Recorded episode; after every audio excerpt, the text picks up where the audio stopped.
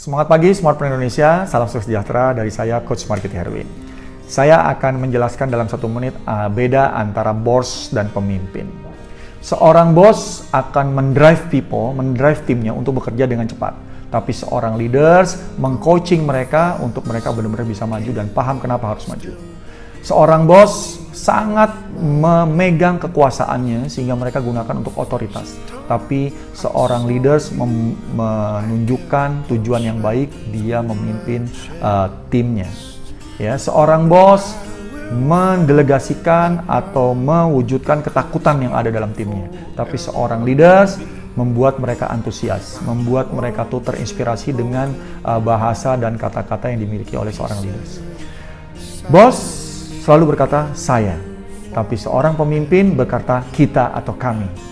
Ya, bos itu selalu mencari kesalahan dalam setiap problem.